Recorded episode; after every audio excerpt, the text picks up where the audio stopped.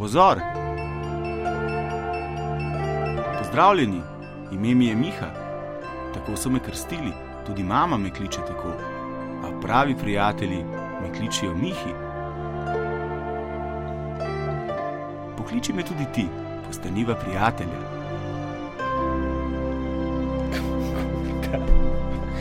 Daj, daj. Dober večer. Mami, Zinka, konziljere, prerok Štefan, Srečko, Janez, prinašalec luči, Melita in ostala elita, prav in lep pozdrav. Pozdravljam seveda tudi vas, ki še niste uh, beatificirani, oziroma vas, ki še niste posvetničeni oziroma posvečeni v uh, kak višji toplovodni čin, ampak uh, še imamo časa.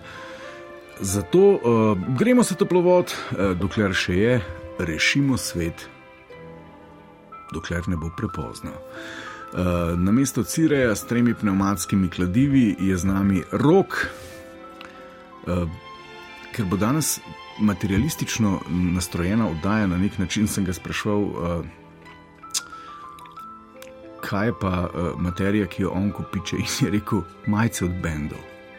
Sem ga vprašal po, številih, po številu in je sirota rekel: deset. Bravo, rok.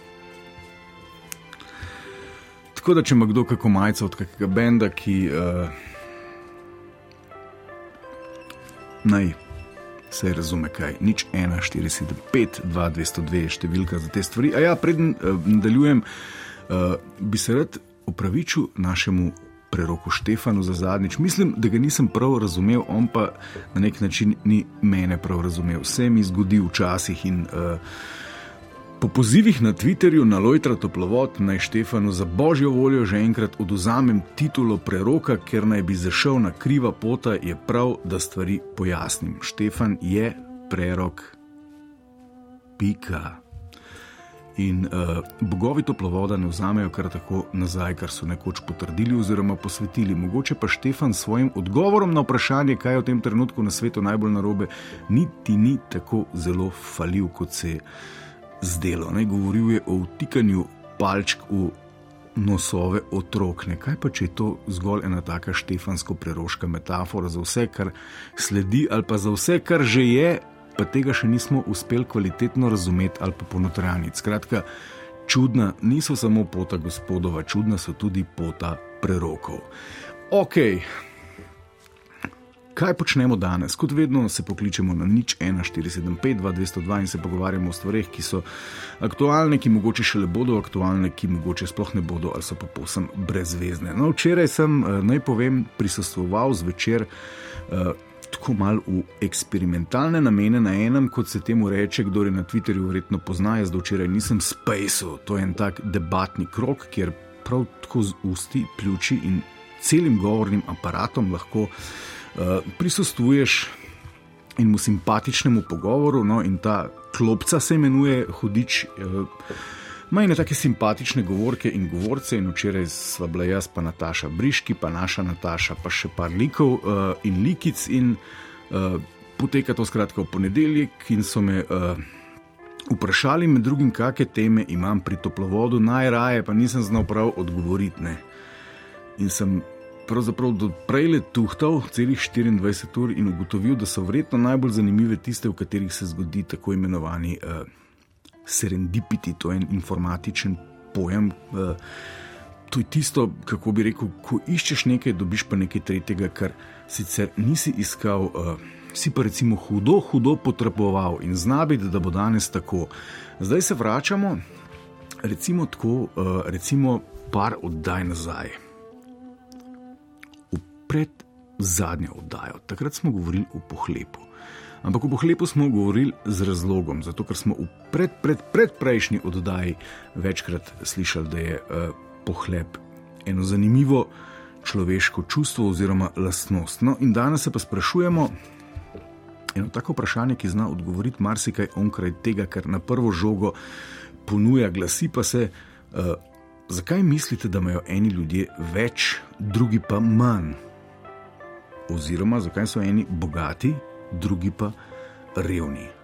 Nič 1, 4, 7, 5, 2, 202, vprašanje za milijon evrov. Uh, to je eno tako vprašanje, ki nam morda uh, po nesreči. Um, V tej igri, ki se jo igramo v našem ožjem in širšem svetu, ali pa kolektivu, ki se ji reče demokratično upravljena uh, tržna gospodarska zgodba, zna povedati več, kot znamo vprašati. Ne? Zakaj imajo eni več kot več od drugih? Ne? In zdaj že slišim, oziroma čutim te energije, da ste mali jezni, pa uh, da vam je na misel prišel recimo. Uh, Elon Musk, ki je tako bogat, da če bi se, kot sem danes prebral na Twitterju, rodil v ledeni dobi in bi dal vsak dan Jurija na stran, ne bi do danes dosegel takega bogatstva. Ne? In na drugi strani vam verjetno pride na misel nek otrok iz nekega brazilskega ali pa indijskega slama, ki ga uh, država sploh zavedenega nima in je praktično celemu svetu povsem odveč in je vseeno, aj sploh živ ali ni. Ampak to so. Um, kako bi temu rekel, ekstremne stranske posledice naše ekonomije, naše paradigme, eh, med katere seveda bogati postavijo zid, da nimamo slabe vesti in da nam revni, oziroma da jim revni. Ne gledamo, ne gledajo okrožniki, ker treba se zavedati, da je vse to precej relativno. Ampak take ekstreme lahko spustimo z nekim izhodiščenim, z nekim izhodiščnim konsenzom, da tega nekako res ne bi smelo biti in zatem stojim s celim telesom in duhom, ampak spet se na nek način počutim soodgovornega tudi za ta del, že samo zaradi tega, ker živim te zahodne sanje, ker imam poln kontejner za azijsko plastiko na ekološkem otoku, ker imam hladilnik klimo, pa naročnino za Netflix, pameten telefon, pa hiter internet. Ok. Gremo mogoče govoriti o manj ekstremnih okoljih. Ne? Zakaj sta en primer? Dva bratranca imamo izmed vod, ne? en mu je ime Brane, en je pa Stane in sta različna. Ne? Brane, naprimer, izmišljujem si, Brane, Brane dela pri vulkanizerju, Stane pa je vulkanizer in ima svojo delavnico. Sta pa skregana zaradi meje, ker je teta pri prepisu nekaj pustimo stati. Skratka, um, brane ne dela pri stanetu. Oziroma, brane je vse čas mal prikrajšan, mal zapufan. Skrbi ga letos, ker so šla drva gor, pa ker je Hyundai v zadnjih izdihljajih, pa za pir, kdaj zmanjka, ta mala bi šla parada letos smučati s šolo. Ne? Na tem je brane, težka bo. Ne pretirano, ampak težko bije brane. Stane na drugi strani, se ukvarja z istim poslom, prav tako kot brane, umiva svoje roke po šihtu s politol pasto, ampak ima pa svojo delavnico. Pa pet zaposlenih, pa pa v šalu kanegri, pa gliser za napihent, pa Evin Ruda 200 kon, harpuno, pa s frendi hod na tekme Barcelone dvakrat letno ali pa vsaj enkrat, ok, lani niso bili, ker je bila korona, pa smučat gre. Ne samo da ima letno na krvavcu, v Francijo gre enkrat letno. Pa oba sta po izobrazbi, recimo elektrotehnika, čeprav nikle, ni, nihče ne dela v fohu, kot se reče, evo, da tako slikovito povem. Gremo v teh razlikah. Govorite, je ta razlika bolj poštena, manj boleča, bolj dopustna, bolj moralna. Pa če bi um, v kalorijah merili, jih za svoje delo nekako porabite enako. Zakaj je eden po naših standardih premožen, drug pa recimo ne? ne? Zakaj eni ja in drugi ne? Rok.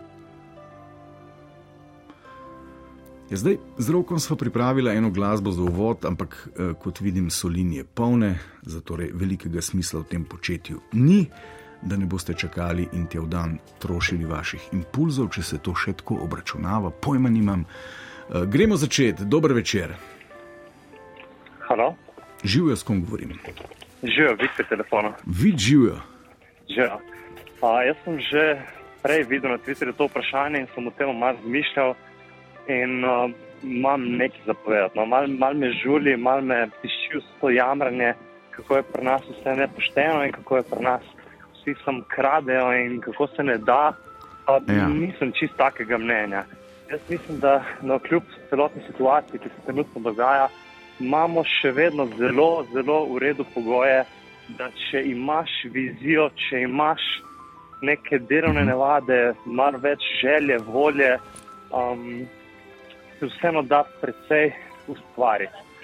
Uh, mogoče iz svojega vidika tudi jaz sem samostojni podjetnik, Ja? ki sem svoj pot začel pač iz nič, iz faksa, brez enega dodatnega centa, kakršnega koli vložka ali pomoči. Uh, je pa res, da sem že med študentskimi leti delal slabo plačena dela v podobnem fohu, kjer sem se lahko imel priložnost dokazati in izkazati in, in malenkost tudi naredil eno podlago enih poznanstev, ki so vedeli, da sem nekako priden, delaven, marljiv. Ne vem, kako bi se temu rekel, da sem ne zdaj pretirano hval, da se hvalim.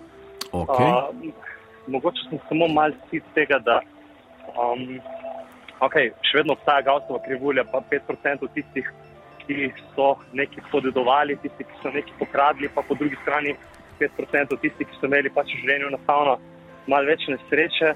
Ampak če pogledamo eno celotno, celotno um, povprečje, mislim, da če imaš voljo, željo, je še vedno pri nas šolanje brezplačno, izobrazba kolikor toliko brezplačna. In uh, če si pripravljen zavihati rokave, pljuniti roke, pa malo bolj delati takrat, ker se drugim ne ljubi, se da tudi nekaj ustvariti. No.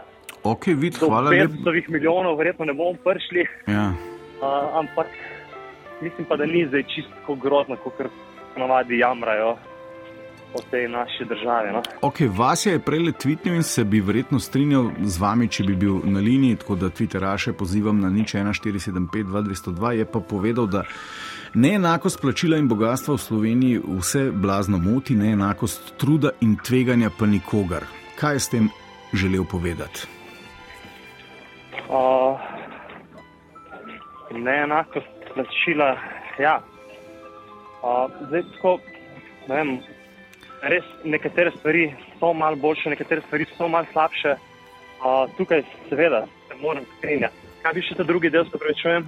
Ja, drugi del je bil, ne, on je predvsem se obesil na to, da neenakost plačila in bogatstva v Sloveniji, pa verjetno tudi drugot, vse blazno moti, neenakost truda in tveganja pa nikogar. No, ja, ja, ok, super. Ja. Zelo, zelo zajema to, kar sem jaz zdaj v 12 stavkih raztegnil, in on tle v enem stavku. Torej, Bi se zelo strinjal s tem. Ja. Uh, ali ste, dosti krat me, me kdo pokliče, pa da bi šli popovdne tja, pa bi šli popovdne tja. Ja, bi šel, ampak ne morem. Delam. Uh, Odvisno je od prioritete. Zdaj, če imaš prioriteto, si nekaj ustvariti, če imaš prioriteto, neko vizijo, nekaj početi, nekaj narediti, nekaj konc koncev tudi imeti. Pa zdaj ne govorim o nekem luksuzu ali pa nekem ne vem kakšnem uh, prosperiranju, ampak da lahko malenkost bolj udobno živiš, da se lahko malenkost bolj um, fajn zvečer uležeš in si mal ponosen na se, se da. Je pa po drugi strani zelo fajn popovdne na mesto tega iti nekam na pijačo ali pa vem, gostilno za šank jamra, kako je nepravično in pa kako država premalo da in premalo omogoči. Ok, vid, če, če strnem, uh, vi ste mnenja, da bogati ali pa tisti, ki imajo več popoldan, pač po, po šihtu ne pijejo pira s frendi, medtem ko tisti, imajo, ki imajo manj, to, to počno. Ne, to je malo generalizirane, to bom, bo zelo grdo izpadlo. Ne, to je rečem. gener- generaliziranje, Ampak jaz in s tem zabijajo ja. od Boga dan čas, Ja, ki ja, ja, ja. je v resnici priložnost, da bi se lahko samo realizirali, da bi lahko postali najboljša verzija uh, same se, Ma ja, jaz- sam, jaz imam- samih jaz sebe imam- in, Ja, ja, ja. In na trgu eh, udejanili svoj potencial. Je to to? ja, približno je tako. No. Ok, Jaz kaj pa, a ste poslušali prigodo o Branetu in Stanetu? Ja, sem jo že prebral zjutraj na Twitterju. Uh, in uh, ok, mogoče je ta prvi od tete nekaj dobil, zato je imel začetni kapital za odpreti tale vulkanizersko denarnico, drugi pa pač ne. Uh, ampak to še ne pomeni, da se drugi dovolj trdim delom, dovolj prizadevanja in dovolj uh, marljivosti ne bi mogel priti do boljše mehanične delavnice. Mogoče še leto kasneje, ampak uh, Jaz pogrešam, predvsem v storitvenem sektorju v Sloveniji, pogrešam eno stvar, ki se ljudje ne zavedajo, da je v bistvu zastojn. A, to je pa, kako se stranka počuti, oziroma prijaznost pa nasmeh nič ne staneta. Ne rabiš biti posebej šolan za to, ne rabiš ne vem kakšne izobrazbe, naredijo pa totalno razliko pri storitvi ali pa pri prodaji nekega artikla ali česar koli. Ok, In, uh, vid, ja, najlepša hvala, ste na pravi špuri, z veseljem, hvala vam. živijo. Ja. Evo, Franes Twitterja sporoča, da je želel poklicati toplovod, pa je poklical vid in je povedal to, kar bi on želel povedati, tako da ne bo. Lahko pa še kaj dodamo. Nik je poklical, če bi bil niče živ, bi danes zagotovo poklical. Niče ni več, ne? spremenil se je v nič. Lahko pa ti nik pokličeš in poveš, kaj bi niče povedal. Nič 1475, 2202, dober večer. Dober večer. Je živijo tukaj toplovod, kdo je z nami? Ja, eh, tukaj Neno. Neno živijo.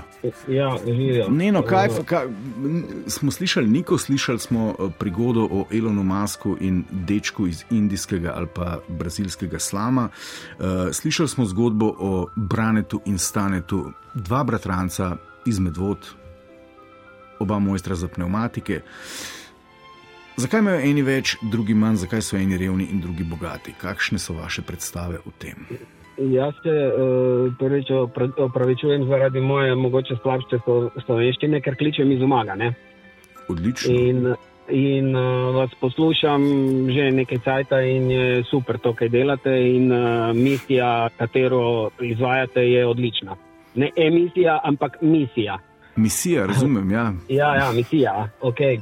In uh, odkdaj uh, je to vse začelo, po moje? Ne? Odkdaj, so, odkdaj je uh, začel novac, denar?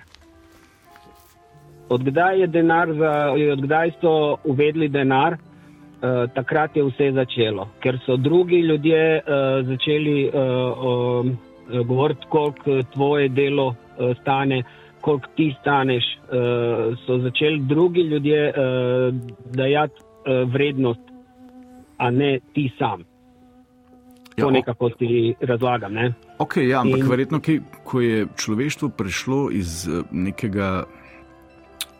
Iz neke lovsko-nabiralske šablone ne, in začelo s Ja, poljedelstvom takrat- in živinorejo, ja. in ustvarilo presežke, in je bilo to, to treba menjati, so stvari postale komplicirane, Ja. in treba je bilo začeti stvari vrednotiti, tako si jaz predstavljam. Ampak eh, ta uh, delovec je uh, vedel to in dokler je bila ta izmenjava uh, roba, roba, Uh -huh.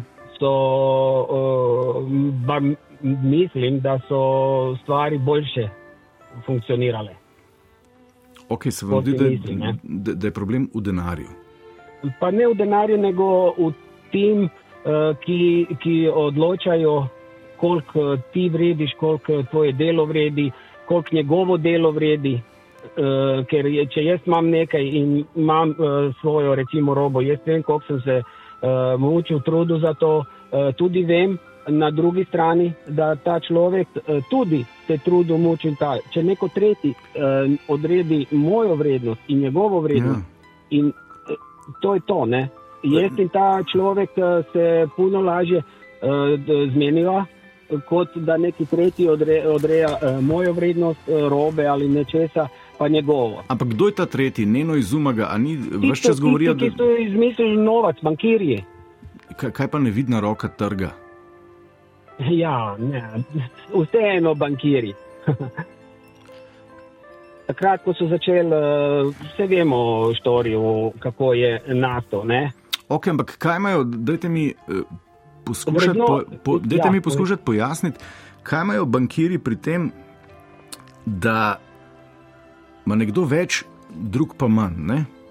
Recimo, da ima Zato, stane več kot zato, brane. Ker so dali denar v obtok in uh, so začeli uh, vrednotiti stvari na mesto lastnikov. Ok, ampak Neno, a ni vid, vaš predgovornik je pa povedal, da bi tudi brane lahko imel čovn za napihniti in Evin Ruda z 200 konji, če popoldan ne bi piva pil, ampak To bi investiral. Mo, ja, bi mogel imati uh, zelo, zelo uh, debelejše veze, pa vezice, pa vse to.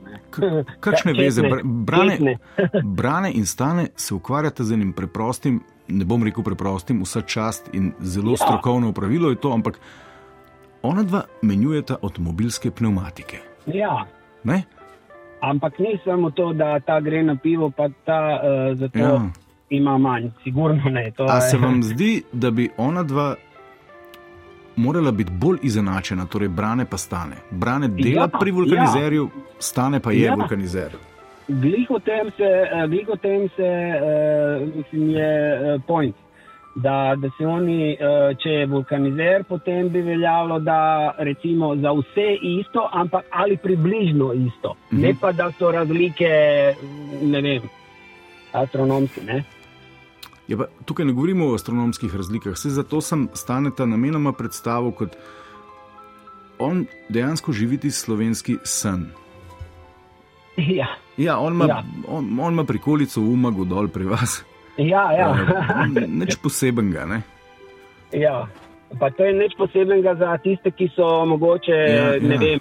V socializmu živeli, ko je vrednotil malo drugačne stvari, pa so koliko toliko eh, bili vsi ljudje, koliko toliko enaki. Ne? Ja, ampak mnogi so pa bentili čez socialistično uravnilovko. Ne? Ja, mno, ja, mnogi, ampak Oziroma, so, čez to, da delaš po zmožnostih tiste- in dobivaš po potrebah. Ne?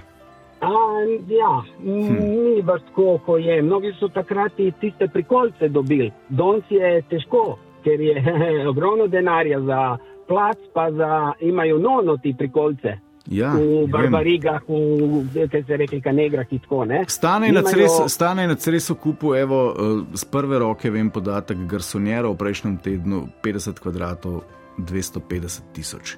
Neno iz Umaga, eh, lepo je vedeti, da nas poslušate tudi v Umagu. Lep pozdrav. Ja, ja, lep pozdrav tudi vam. Hvala lepa. Wow, Umag, nič 1, 475, 2202. Zakaj imajo eni več kot drugi? Zakaj so eni bolj bogati in drugi bolj nebogati? Ob tem, da se verjetno strinjamo, da v resnici neka fina družba revnih ne bi smela imeti. Lahko me pa prepričate v nasprotno. Dober večer. Živijo, Tomaš po telefonu. Tomaž živijo. Jaz sem bil tudi na wow, meno iz Umaga. Ja, a ne? Ja, zanimivo, res. Uh, jaz sem tudi eno prispodobo. Po mojem, jo bo Neno najbolj razumel. Um, mislim, da gre nekako tako. Zec jeste brz, ali bi bil bjedan pokušaj zeca, da sebi pripiše zasluge za brzino. Če zelo na hitro rečemo? Ja, da je. Je res, da je zajec najhitrejša žival v gozdu, ampak bi Ampak. bilo nepošteno od zajca, da sebi pripiše zasluge za hitrost.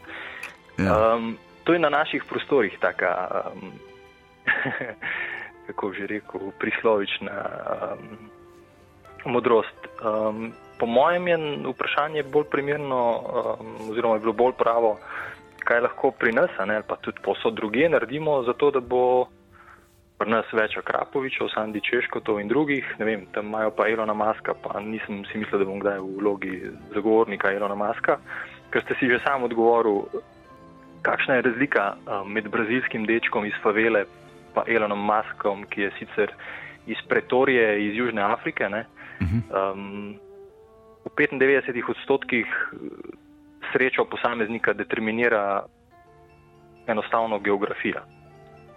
Kar je V krivično. 95 odstotkih ja, um, določa uspešnost, torej neko socialno uspešnost posameznika, ne, tudi pol na koncu uh, premožensko, fakt, kje se bo rodil. Z neko podnebno krizo, s katero se bomo srečevali, bo verjetno ta procent sreče usmerjen na zgolj geografsko poreklo nekoga. Ne. Tukaj sploh ne govorijo o etničnem, socialnem, kakršnem koli drugem. Zgolj geografsko, kje si se rodil, determinira tvojo srečo. Ja, sej, zato In- sem jaz v vodu namenoma to zožil na ta medvoški zaplet. Ne? Ja. Če se vrnemo k nam, Uh -huh. um, se isto s tem se moramo ukvarjati. Kaj narediti, uh, da bo več, zdaj ne vem, kdo je bil stane, kdo je bil brane. Ne? Um, kdo je tisti, ki je lastnik vulkanizerske delavnice? No? Ne vem, Stane. je že im- stane. Ne? Torej, stane je prevzel neko tveganje. Ne? Um, pač on prevzema tveganje uspešnosti, pa neuspešnosti um, svojega pod, podjema, podhvata. Um, brane pa je tako kot jaz, ne, zgolj ponudnik svojih skilsov, sposobnosti, znanj, energije, volje na nekem trgu. Moje tveganje je, da so ti skilsi v nekem trenutku neuporabni. To je moje tveganje. Ne? Za njega so pa odgovorni bili vem, moji starši, učitelji, moj interes, moja zagnanost, moja energija. Ker če tako gledava, stane pa brane najverjetneje, oba dva popijeta dve pivi na dan, pa pojesta ti šnicl, pa, pa, pa, pa pomfrine, kar pomeni, da ona dva imata v nekem dosta enakovrednem kaloričnem inputu zelo različen output. To, to, je, In to je bilo zanimivo. Veste, povedano, zato, ja, da- zato želim to. Mislim, Ja. tega tveganja, ki ga sprejme nekdo, ki se odloči za podjetniško pot, Mhm. ga lahko, mislim, ga zelo težko ne? Ga zelo težko izmerva. In pač, čeprav je spet pregovorno, da so feničani izumili denar, pa ga niso, so ga verjetno že prej sumerci. Seveda, oni so Um, s čim že na tablice so popisovali eh, neke merice, ene žitarice. Najprej letine, ja, drži. No, Okej. s tem smo mi začeli, smo ja, dali tudi vrednost nekemu delu, nekemu inputu pa outputu. Ne. Jaz ne trdim, mislim, banalno je reči, da je maskov output prispevek k človeštvu, mislim, jaz ne bi šel zdaj reči v cifre, ki jih poznam. To so taki disproporciji um, njegovega premoženja na papirju. Sej, da se bomo razumeli, ko govorimo o premožnih ljudeh. A, tudi vidim, da v Sloveniji imajo ljudje težave z dojemanjem, kaj je premoženje. Ne? Premoženje Krapoviča, Boskarola, you name it, vseh teh naših uh, uspe, podjetniško uspešnih ljudi, to ni denar na računu. To niso jahte v Umagu, to niso vikendi v ne vem kje. To je premoženje v podjetju. To je isto, kot da bi mene nekdo vprašal, koliko je moj otrok vreden. Ne vem, neprecenljiv je. Za me nima, mislim, a me razumete? Ja, ja. Um, ne? To ceno je nekdo postavil, ki je izmeril njihove denarne tokove, jih diskontiral za trenutno zelo z nizkimi obrestnimi merami in je prišel do neke vrednosti. Te gospodje, če jih kdo danes vpraša, bi to firmo, če mu nekdo pride, pa reče, le dam ti to loke podnarja, pa mogoče še 15-20% ali pa 50% gor, a mislite, da bi te gospodje rekli, ja, prodam. Želim povedati, mindset teh ljudi je drugačen od mene, ne, ker zdaj letlele zvečer poslušam toplovod, pa gledam verjetno tako, da oni, ne vem, razmišljajo, kako bi jutr optimizirali tisto, kar so včeraj že tako, tako super naredili. To je ta razlika med mano, ne, pa jaz sem vesel, da toplovod poslušam. Meni ni zaradi tega se nič slabo ne počutim, ampak mislim, da svoj čas koristno porabljam, ampak mislim si, ne, pa ker poznam nekaj teh ljudi, je, da oni svoj čas, pa to ni prosti čas, to je njihov way of life. In oni se ne sprašujejo o tem, kako bi neki imeli. To, da neki imajo, da so neki ustvarili, je zgolj posledica tega, kar oni počnejo. In to je popolnoma tudi- napačna predstava, ne, ki se pojavlja predvsem na tisti nasprotni strani, torej pri nas ljudeh, ki imamo mogoče občutek, da glede na naš kalorični input ni ta pravega outputa. Ja, se pravi, ne bom rekel, da je to vedno na, na moji strani krivda, da ni boljši. Ne? Je, precej. Ne? Um, sigurno so imeli, kdorkoli bi lahko rekel, ne vem, za Zuckerberga, za Jobsa, za Billa Gatesa. ne. Vedno so imeli safety net svojih uspešnih staršev, premožnežev, ki bi, bom, da se razumemo, taki ljudje, ki iz neke drugačne socialnega okolja začnejo in štartajo nekaj, kjer vejo, da je um, fail um, še vedno možen, da, da se jim zaradi tega ne bo zgodil praktično, oni ne bojo na, zaradi tega na slabšem. Ne? Torej, njihova inicijativa in incentiv sprejemanja tveganja je popolnoma drugačna kot moja ali pa vaša ali pa naših poslušalcev, ki vemo, če zajebem, bom zajebil gadno, mi ostane kredit, mi ostane, a me se razumeva. Popolnoma se razume, Naši, ravno. naši podjetniki, naši uspešneži, v teh, o katerih govorijo, pa na katere bomo verjetno danes še poslušali v vdaji, so pa v tej situaciji bili. Oni so tvegali, oni so tvegali morda družinske prihranke svojih staršev, uh, stricev, tet in tako naprej. Tomaš, ampak to je, reči, eh, ja. a se lahko vtaknem tukaj. Mhm. To, je- to je recimo že to, da se jim reče uspešneži, ne, ponuja eno zanimivo idejo, da, da, da so na drugi strani neuspešneži. Mogoče sem napačen izraz uporabil. Ne, tako zakaj? govorim, ampak- Zakaj? Se lahko tehtava to možnost, ne, zdaj, če smo- so v ekonomskem smislu. Jaz ne vem, če so oni srečni ljudje, verjetno, da so. Naj, največja zabluda tega sveta je, če si bogat, si pa nesrečen. Halo? Okay, ampak greva recimo v Slovenijo. Ni sigurno Ja. ja. eno boljših okolij za, za, za start-upe na svetu ali pa za, za, za gospodarstvo, ni pa verjetno tudi eno, eno slabših. Ne? Se strinjam, ker Am- nekaj imamo in imamo tudi nekaj takih, ki so pač, ki so breakthrough, ne, kako ne rečem. Ja, a lahko, a lahko recimo preboj. tem uspešnežem, recimo ravno danes sem na Twitterju bral eno opasko, nekdo je objavil, um, kakšen je bil začeten status prej omenjenih, torej eh, gospodov Zuckerberga, Gatesa, pa mislim, da je bil celo Elon Musk, čigar oče je imel nek rudnik. eh, Nekih kamnin dragocenih tam v Južni Afriki, to celo ne in, in je ja. bil komentar, no, no evo, no evo, vse sem vedel, ne, skratka. Ja. Ni bilo zdaj to, ne, ni, ni, Med vrsticami ja. Ja. je bilo povedano, tudi jaz bi prišel v vesolje, tudi jaz bi bil tehnološki no, gigant, če bi imel ta safety net. A se Dajva- motimo, dajva kadar se tako razmišljamo? Ne, ne, jaz mislim, da pač tisto, kar v Sloveniji lahko, pa mislim, da imamo, je, da ta safety net razvijamo. Morda ga ne bomo vedno, ne vem, pa, a, ne, morda ga ne bomo vedno tako, da bojo starši tisti, ki bi ta safety net nudili, ne? ampak da mi kot družba se odločimo, da ga bomo in da bo iz naše družbe čim več takih izraslo. In jaz mislim, da taki, ki bojo zrasli iz naše družbe, bojo družbi tudi vračali. Jaz ne verjamem, da je res tako, da smo kar vsi po defaultu pol egoistični, pa pozabimo. Mislim, ne? ne vem, a je Luka Dončić pozabil na, na Slovenijo, a Staroglič pa Pogačar pozabil na Slovenijo. Ne? Pač primer, so primeri športnikov, ampak ravno zato jih izpostavljam, ker so najbolj izpostavljeni. Imamo ogromno ljudi, ki so ekonomsko uspešni, se ne izpostavljajo, pa ogromno vračajo ne samo svojemu neposrednemu okolju, 200 Okej. okay. ljudi, katerih življenj se dotaknejo. Ne? Tomaš, ker smo se ravno Ja. dotaknili še športnikov, mogoče še kakšna ideja v to smer, zakaj športnikom lažje odpustimo uspeh kot pa podjetnikom? Zaradi tistega zajca.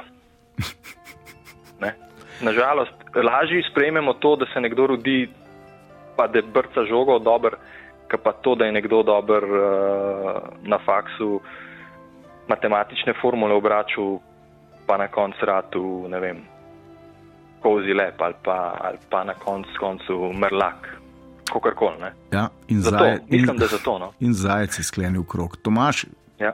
najlepša hvala. Hvala za čas. Ja, lep večer. Čau. Lep Živijo. večer.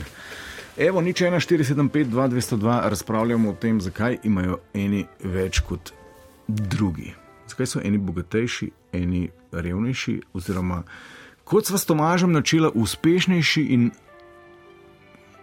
kaj bi že ta ocena roke, to si ti imel v, šo, v šoli. Vedenje, pa gospodinstvo, manj uspešno, Ma, eni pa manj uspešnejši. Dober večer. Dober večer, Živijo, kdo je tam? Klemen pri telefonu. Klemen živijo. Zdravo. Kaj pa vi mislite? Vi, no sebe ni treba vikati, lahko okay. tikava, če si za. Um, ja, tole Tomaš mislim, da je odprl eno zakladnico idej pa razprav. Uh, zdaj, če začnem pri njegovi zadnji, uh, športniki pa v poslovneži, jaz imam drugačno mnenje. Se mi zdi, da športnikom bolj prvošmo zato, ker njihov trud vidimo. A veš, ti recimo, ne vem, če gledaš Tour de France, pa vidiš, ko se naganjajo, ne rečeš, mater so dobri, pa greš provat, ne, pa pihneš, pa niti slučajno, ne. Poslovnika pa ti, poslovneža pa ti ne vidiš, ne, ne gledaš, u, poglej, kak je dober vložil, o, dober delnice mu rastejo, ne, in nekako podzavestno mogoče sklepamo, da pa oni pa zihar imajo srečo, ne, da niso fulenga truda noter dali, pa ne vem, odre, odrekanja, ne. Um, da je mogoče to tista razlika. Um, Kaj mislimo, kaj mislimo, kadar, kaj mislimo, kadar mislimo, da ima nekdo srečo? Ali pa nekdo, mislim, da je Neno izumaga prej, da, da ima nekdo srečo, pa kako je rekel, zveze pa vezice. Ja, to, to da, Aha. po moje, ker smo mal, imamo že verjetno, ne vem, je to zdaj slovenska stvar ali je to pač človeška stvar, da imamo tiste veš, ja, sej meni bi tudi ratal, če bi imel srečo, pa če bi vedel, pa to. Tam ni, je, kakorkoli obrneš, je, ne, ko pravijo, da znan, pač znanstveno odkritje, 99% je neuspelih poskusov en parata. Ok, In- Klemen, a bi šlo lahko mogoče k temu izhodišnjemu vprašanju, zakaj so eni bolj uspešni, drugi pa manj uspešni, eni bolj bogati Lahko. in drugi manj, eni imajo več, drugi manj. Jaz mislim pa, pač um, življenjske izkušnje mi govorijo, da uh, moraš kot oseba se izoblikovati, pa zrast, da si pripravljen, uh, kot je že bilo prej večkrat rečeno, na tveganje. Oziroma pač, da, da se otreseš tega strahu, da če ti ne uspe, se ne bo svet podaril. Ampak to je zdaj na več nivojih. Recimo, prva stvar je, um, ko je prej govoril Tomaš o tem, ne, da je bil en uh, Musk, da je bil iz Pretorije. Se pravi, on ni naredil svojega buma v Južni Afriki, ampak ga je v Ameriki. In to recimo, jaz sem delal eno leto v Nemčiji in sem full opazil to, ko pol prideš nazaj v Slovenijo, pa rečejo, ali pa ne vem, sem se z mojo drago pogovarjal, pa je rekla, pa kaj si gor, da se bo veš iz Savinske vozila do Ljubljane, veš, kako je to davč. Pa sem rekel, ja, v Nemčiji se vozijo vsak dan 400 km na ši, to ni Ja. več taka. a ne. In se mi zdi, da je že to ena taka razlika, da se nam kakšna stvar, ko je ne vem v svetu tako normalna, se nam zdi tisto, o, šit, levo ledvico bom mogel riskirati za to. a ne." Klemen, kako, Um. kako pa, kako, ker imate to nemško izkušnjo, ne? kako pa Nemci Ja. gledajo na to? A so nam podobni ali ni bistvenih razlik? Uh, v čem, v kakem smislu?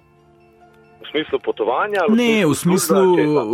v smislu teh razlik, ne? kako gledajo na, na, na, na bogate in manj bogate, na to, da imajo eni več in drugi manj. A so nam Uf. podobni v teh pogledih ali so. Ja, tako hudo psihoanalizo nisem delal, no? ampak imam pa občutek, da mogoče ena velika razlika je, da oni v osnovi imajo uh, boljšo plačo. S tem mislim, da, um, ker se mi zdi, da pri nas je en problem, ali pa če dalje bolj prostaja problem, da ti delavca plačaš tako nizko, kot ga lahko. In ok, kratkoročno si na plusu, ampak zgubil si pa vso njegovo motivacijo. Problem, ravno, ja. tu, ravno tu imajo pa, pa Nemci z neko višjo osnovno plačo stvar rešeno. Okay. Da, Klemen, a bi se lahko zdaj, ker smo ravno pri tem, ne, dejansko so uh, plače pri nas relativno nizke. Ne. Mi smo pripravljeni svoj čas uh, darovati za precej malo denarja. Ne. ja. Uh, zdaj gospodarstvo prav, pa kdo je imel izkušnje s tem.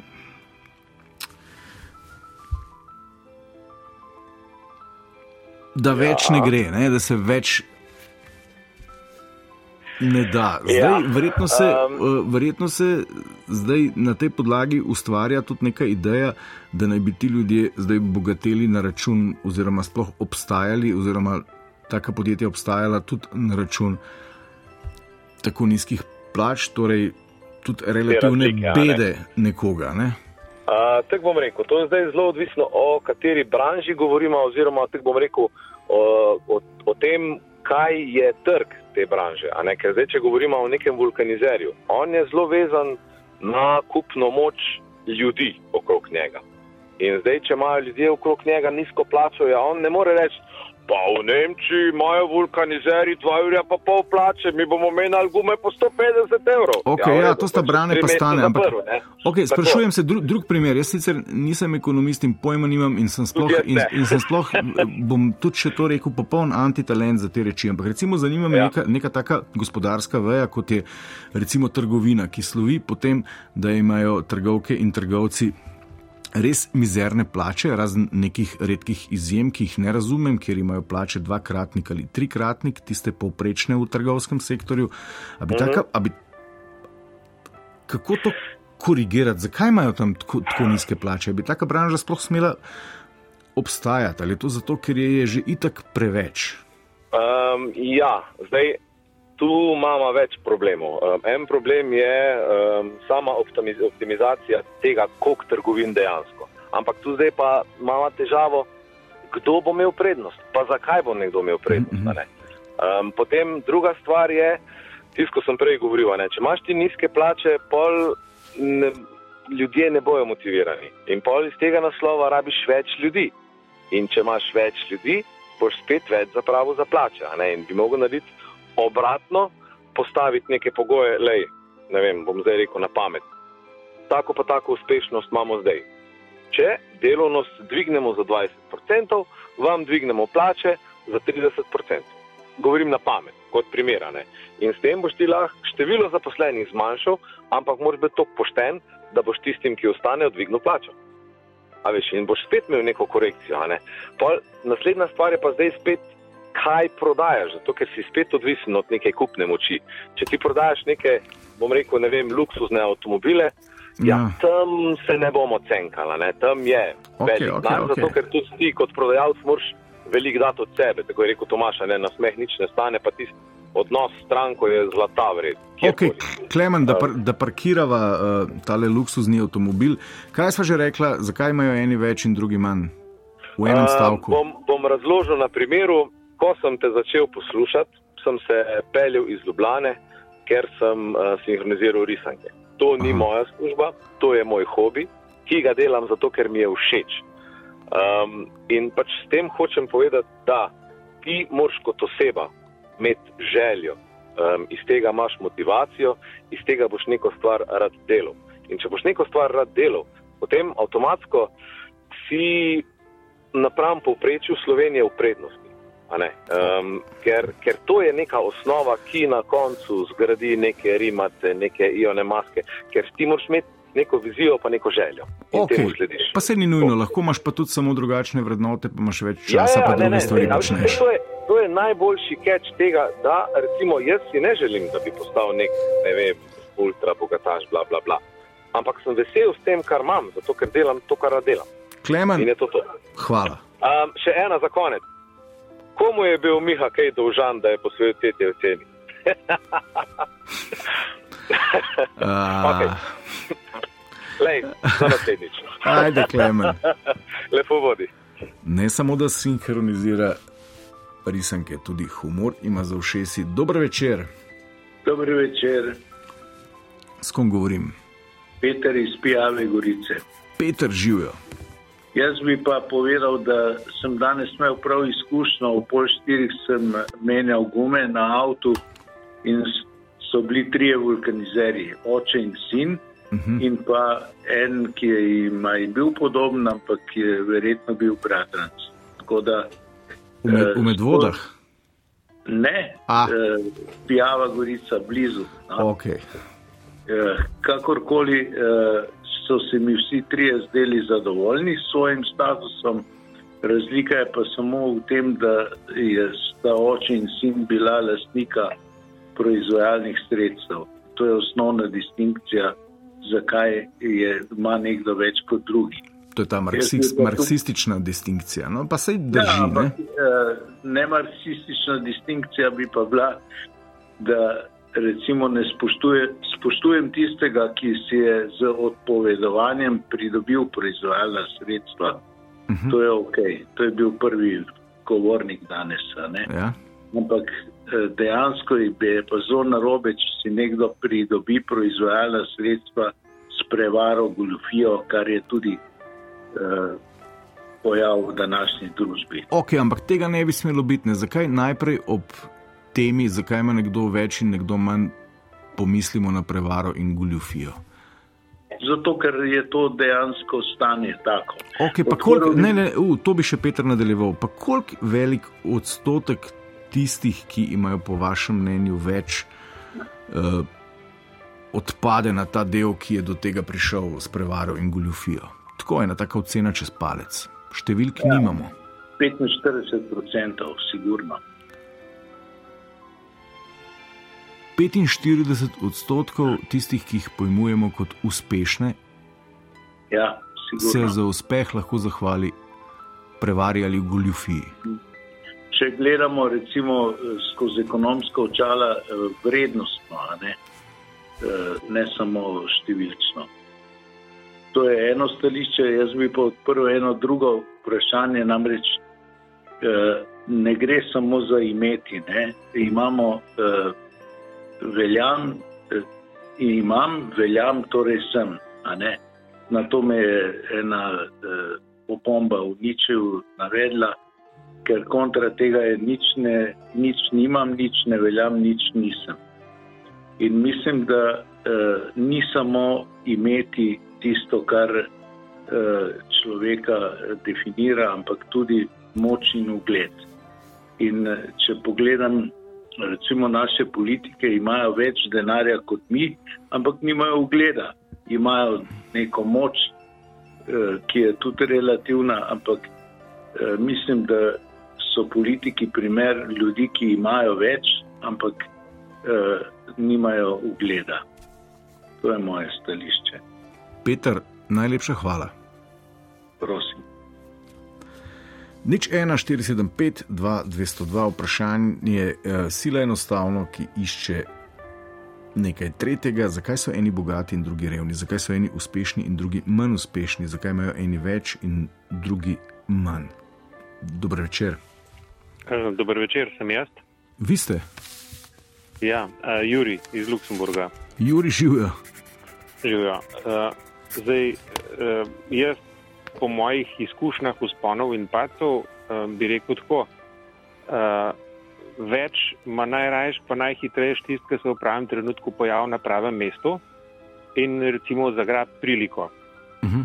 Uh, tako da ni, ni vse v tem, koliko si priden, pa koliko imaš eh, recimo enega zaledja finančnega že od zadaj ali pa tudi, če ga nimaš, ampak je bolj pomembno to, da prilika, ki pride, da jo spoznaš, pograbaš in peleš. A to je ena stvar. Ne? Pol pa zdaj, če se vrnem nazaj na tale dva vulkanizerja, ne? eden hod na tekme, eh, drug pa ne ve, če bo imel znar, da bo hčerki tisti teden smučanja financiral Eh, vprašanje je, koliko ima kdo kreditov. Ne, zdaj, če predpostavlja, da noben nima kreditov, mislim, da gre obema kar v redu. In ne en, ne drug nimate razloga za slabo volo.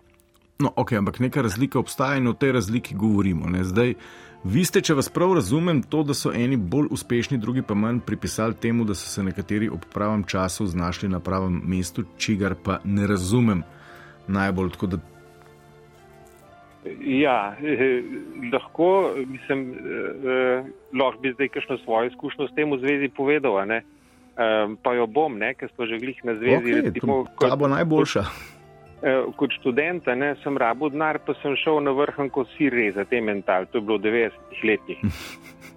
In sem bil plačen, ne vem, mislim, da tisoč dolarjev na uro, pa sedem, pa nekaj tazega, razmeroma v redu. Uh, in jaz sem pač tam ti sir gledal, tega je bilo do stropa, plesnev je, gnil je. Ne, in sem se malo zgovarjal z delovci, danes je to najboljši emental, sploh pa kva se zdaj kle dogaja. Ja, ne gre v promet. Ne. Dober je, ne gre v promet, jaz režem, pa vidim v Merkatorju je bil emental po 950, pa 940 dolarjev. Ja. Gor so ga pa iz proizvodne prodajali po 350, pa 420 prvo klaso. Okay. Velika razlika. Ne. No, in jaz sem pač pol, ker sem dobil prvo plačo, študentsko, a ne, sem si na basu 25 kg tega lesija po proizvodni ceni v nahrbtnik, pa sem ga mal nesel levo desno. No, čez dva meseca, ne, sem prazno skladišče, ne, se pravi, sem imel firmo, eh, praktično v dveh mestih sem naredil firmo, sir sem uradu ponudil trgovinam, postavil sem jim določene pogoje, v šestih mestih sem prodal vso zalogo, sira, šel sem se povezano trgovino, takrat so bile mehne trgovine, ni bilo še Merkator centrov pa tega. In sem imel pač to politiko, da sir prepeljem v eno trgovino, v, koren, v konkurenčno pa ne. In so trgovci, takrat me, lastniki mehkih trgovin, so to zapopadali in so sir besno naročali. Ne? Jaz sem pa tudi besno služil.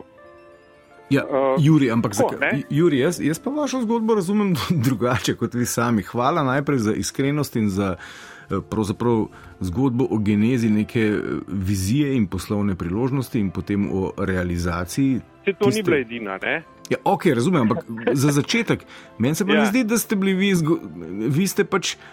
Pa teh situacij je verjetno ne broj v življenju, neko gledaš absolutno, v nebo in vidiš absolutno. nekaj plesnivega. In, ampak mogoče je bilo tisto, kar vas je premaknilo ali pa realiziralo v tisto, čemu rečemo, uh, mi manj uspešni, bolj uspešno, da ne rečem kaj drugega.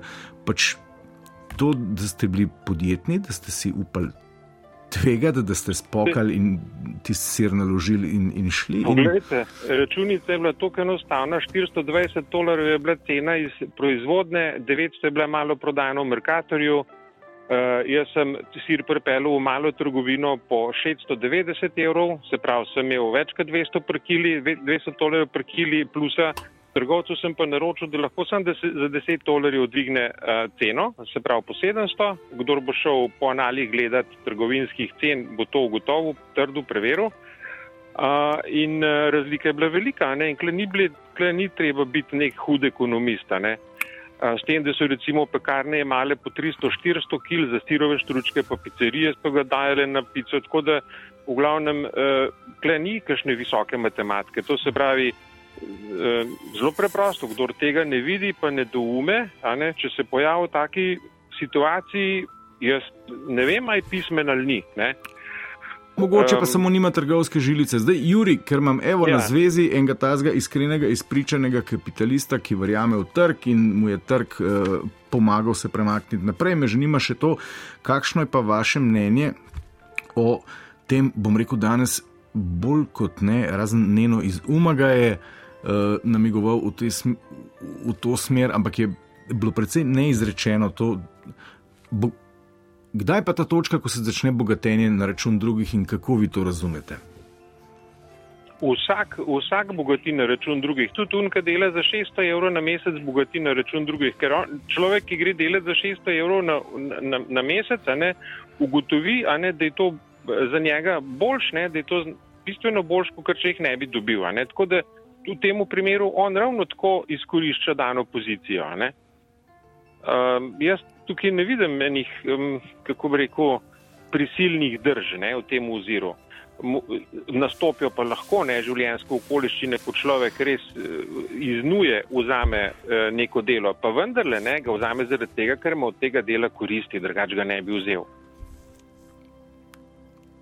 Ok, imate morda, ker ste tudi izjemen in eh, lepo razumljiv praktik, kak na svet za vse tiste, ki se pa ne počutijo to pogledno realizirani. Ki, um... To pomeni za mene iz mojega zornega kota, to pomeni samo to, da nimajo dovolj, eh, dovolj odprtih oči, ne iščejo priložnosti, zato so pre, prepasivni. So, pre, prepasivni Zelo lahko je sedeti in reči, koliko je meni hudo.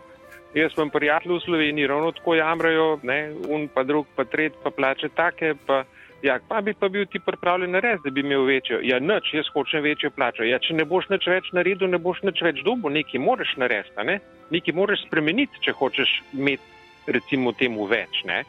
A, jaz sicer osebno meni denar ne pomeni nič, ga nimam veliko, mi ga pa ne manjka, meni največ pomeni prosti čas svoboda.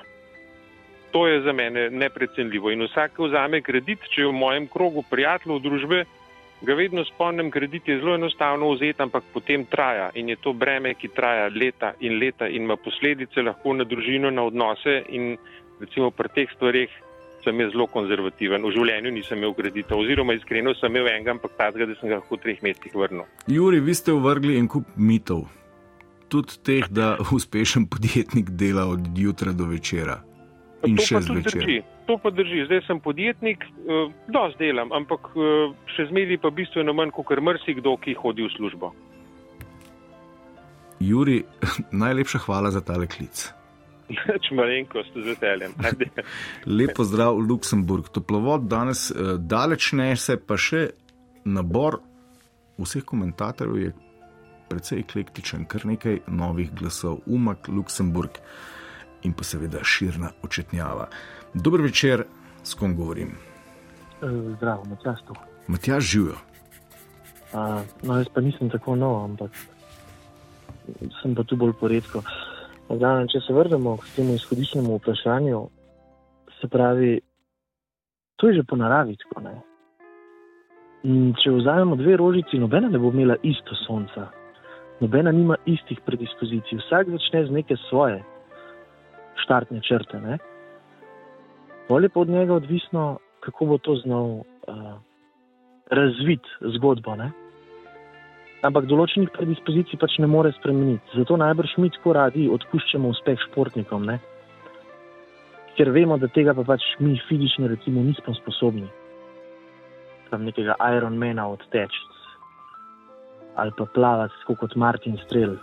Ja, ampak očitno si pa domišljamo, da smo seveda sposobni obogatiti, če je že to naša ambicija, ne največkrat. Točno to. Točno to. Zakaj pa tako mislimo? Zaradi tega, ker je intelekt v Sloveniji necenjen. Pa se ne sam pri nas, marsikje. Ampak slovenc ne bo dal za idejo ali pa za neko uh, zadevo nič denarja, če ne bo nekaj mogel fizično v roke prijeti. Ja. A to je pravi. Problem. Ja, a veš, to ti lahko imaš še tako super idejo, pa aplikacijo, tega širni slovenc ne bo zapopadel. Če pa ti daš njemu USB ključ ali pa CD ali pa, veš, ovitek z igrico, ne, recimo. Pač, ja, ampak kako bi to povezala? Kako bi to povezala? Govorili smo o tej ideji, da. Hočem reči, da tam gledamo... vsak ve, da ne more. Ne? Ja. Vsak pri sebi ve, da ne more. Sploh pa tisti, ki smo probali, recimo, priti do tega. Tudi jaz sem nekoč košarko igral, ne? točno vem, kako težko je biti Dončić. Recimo, In, ja, ampak govorili smo o tem, da si pa ljudje predstavljajo, da je pa lahko biti podjetnik, ker so to itak ljudje, kot je rekel nekdo prej, Petr, se mi zdi, ki v 45 odstotkih pridejo do svojega. Pustimo to, pustimo, pustimo, pustimo za enkrat to še ob strani. Okay. Rečemo, da, da odstranimo tiste, ki so pač prišli s pomočjo nekih notranjih informacij uh, na pol. Popustite to sploh. Rečemo tisto, kar je pač poštena razlika taka naravna razlika med nami. Okay, okay. Govorimo o pošteni pač razliki. Pač slovenski, slovenski, slovenski šolski sistem je za vse enak uh -huh. in je za vse brezplačen. Vsak ima z, te, z, te, z, te, z tega vidika enako možnost. Ampak in zato vsi mislijo, da so lahko enako pametni. Ampak ne rata pa vsem. In isto je tudi pri podjetništvu. Zato, ker vsi mislijo, da so lahko enako pametni in ker mislijo, da je podjetništvo samo neka umska sposobnost. Ne? je pa prej, je pa še vse drugo kot to. Je nek koktejl nekih sposobnosti, kjer pa ti, tudi če si na koncu še tako najbolj sposoben, moraš biti ob pravem času na pravem mestu, vsaj za svoje sposobnosti.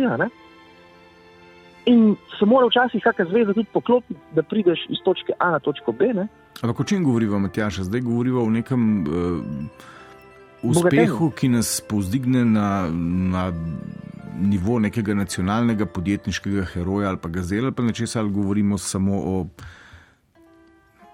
Vsej je pri nas cel kup enega neizstopajočega zdravega podjetništva. Ja, sem vsej pravim, vsak ima, ampak ta neizstopajoče zdravo podjetništvo je pač recimo temu plafon za določenje. In najbrž so nekateri čisto srečni s tem, in zakaj ne bi bili? Ja. Jaz mislim, da je lahko srečen vsak, ki lahko ne samo preživi, ampak tudi živi. Prav je, da stremimo vedno više, ker če ne bi stremeli vedno više, ne bi nikoli prišli do zvest, ne bi nikoli, če tako pogledamo, ne bi tista, ne bi tista riva skočila na kopno in hodila biti človek, ne?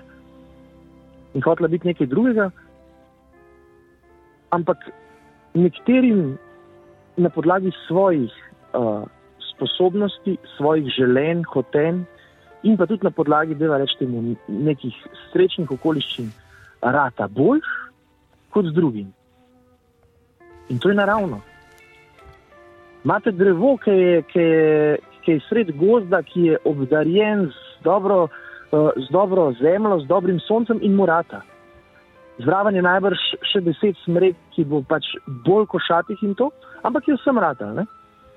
Imate pa tudi drevesa, ki so tam nekje na kraškem robu, v totalni skali, pa lahko poženejo. Ne? Smo pa v družbi, družba pa vse te smreke in drevesa primerja na isti ravni. In mi smo trenutno v kapitalističnem sistemu, ki pa je za neko merilo uspešnosti vzel premoženje. Ja, merilo je pa vredno Merilo je subjektivno in se ga je družba postavila samo. Ni, ni napačno. Samo mislim, da mislim, to je pa zdaj moja osebna mnenja, mislim, da to ni vse. Da je treba na svet gledati tudi z neko empatijo z nekimi veščinami, ki jih ponavadi vidimo skozi kulturni sektor trenutno. Z nekimi zadevami, ki jih ne moreš se dotakniti, ne moreš jih prijeti, ne moreš jih zmeriti. Ampak lahko jih pa občutiš. Matjaš, evo, naj bodo to zadnje besede. Hvala, lahko noč in srečno. Hvala, lahko noč in srečno. Okay, Mava še par sekund rok, dava še sklepno misel. Čeprav vedno, ko to naredim, si rečem, da ne bom več. Dober večer. Dober večer. Živijo. Jaz bil pa anonimen. Odlično. An... Sem manjši obrtniki iz, iz okolice Ljubljane.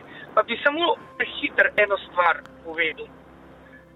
Um, prej je bilo zelo lepo povedano, da imamo eni prednost, pa drugi ne, pa mogoče za ledje, pa ne vem, kaj vse skupaj. Dajmo skočiti nazaj na unga zajca.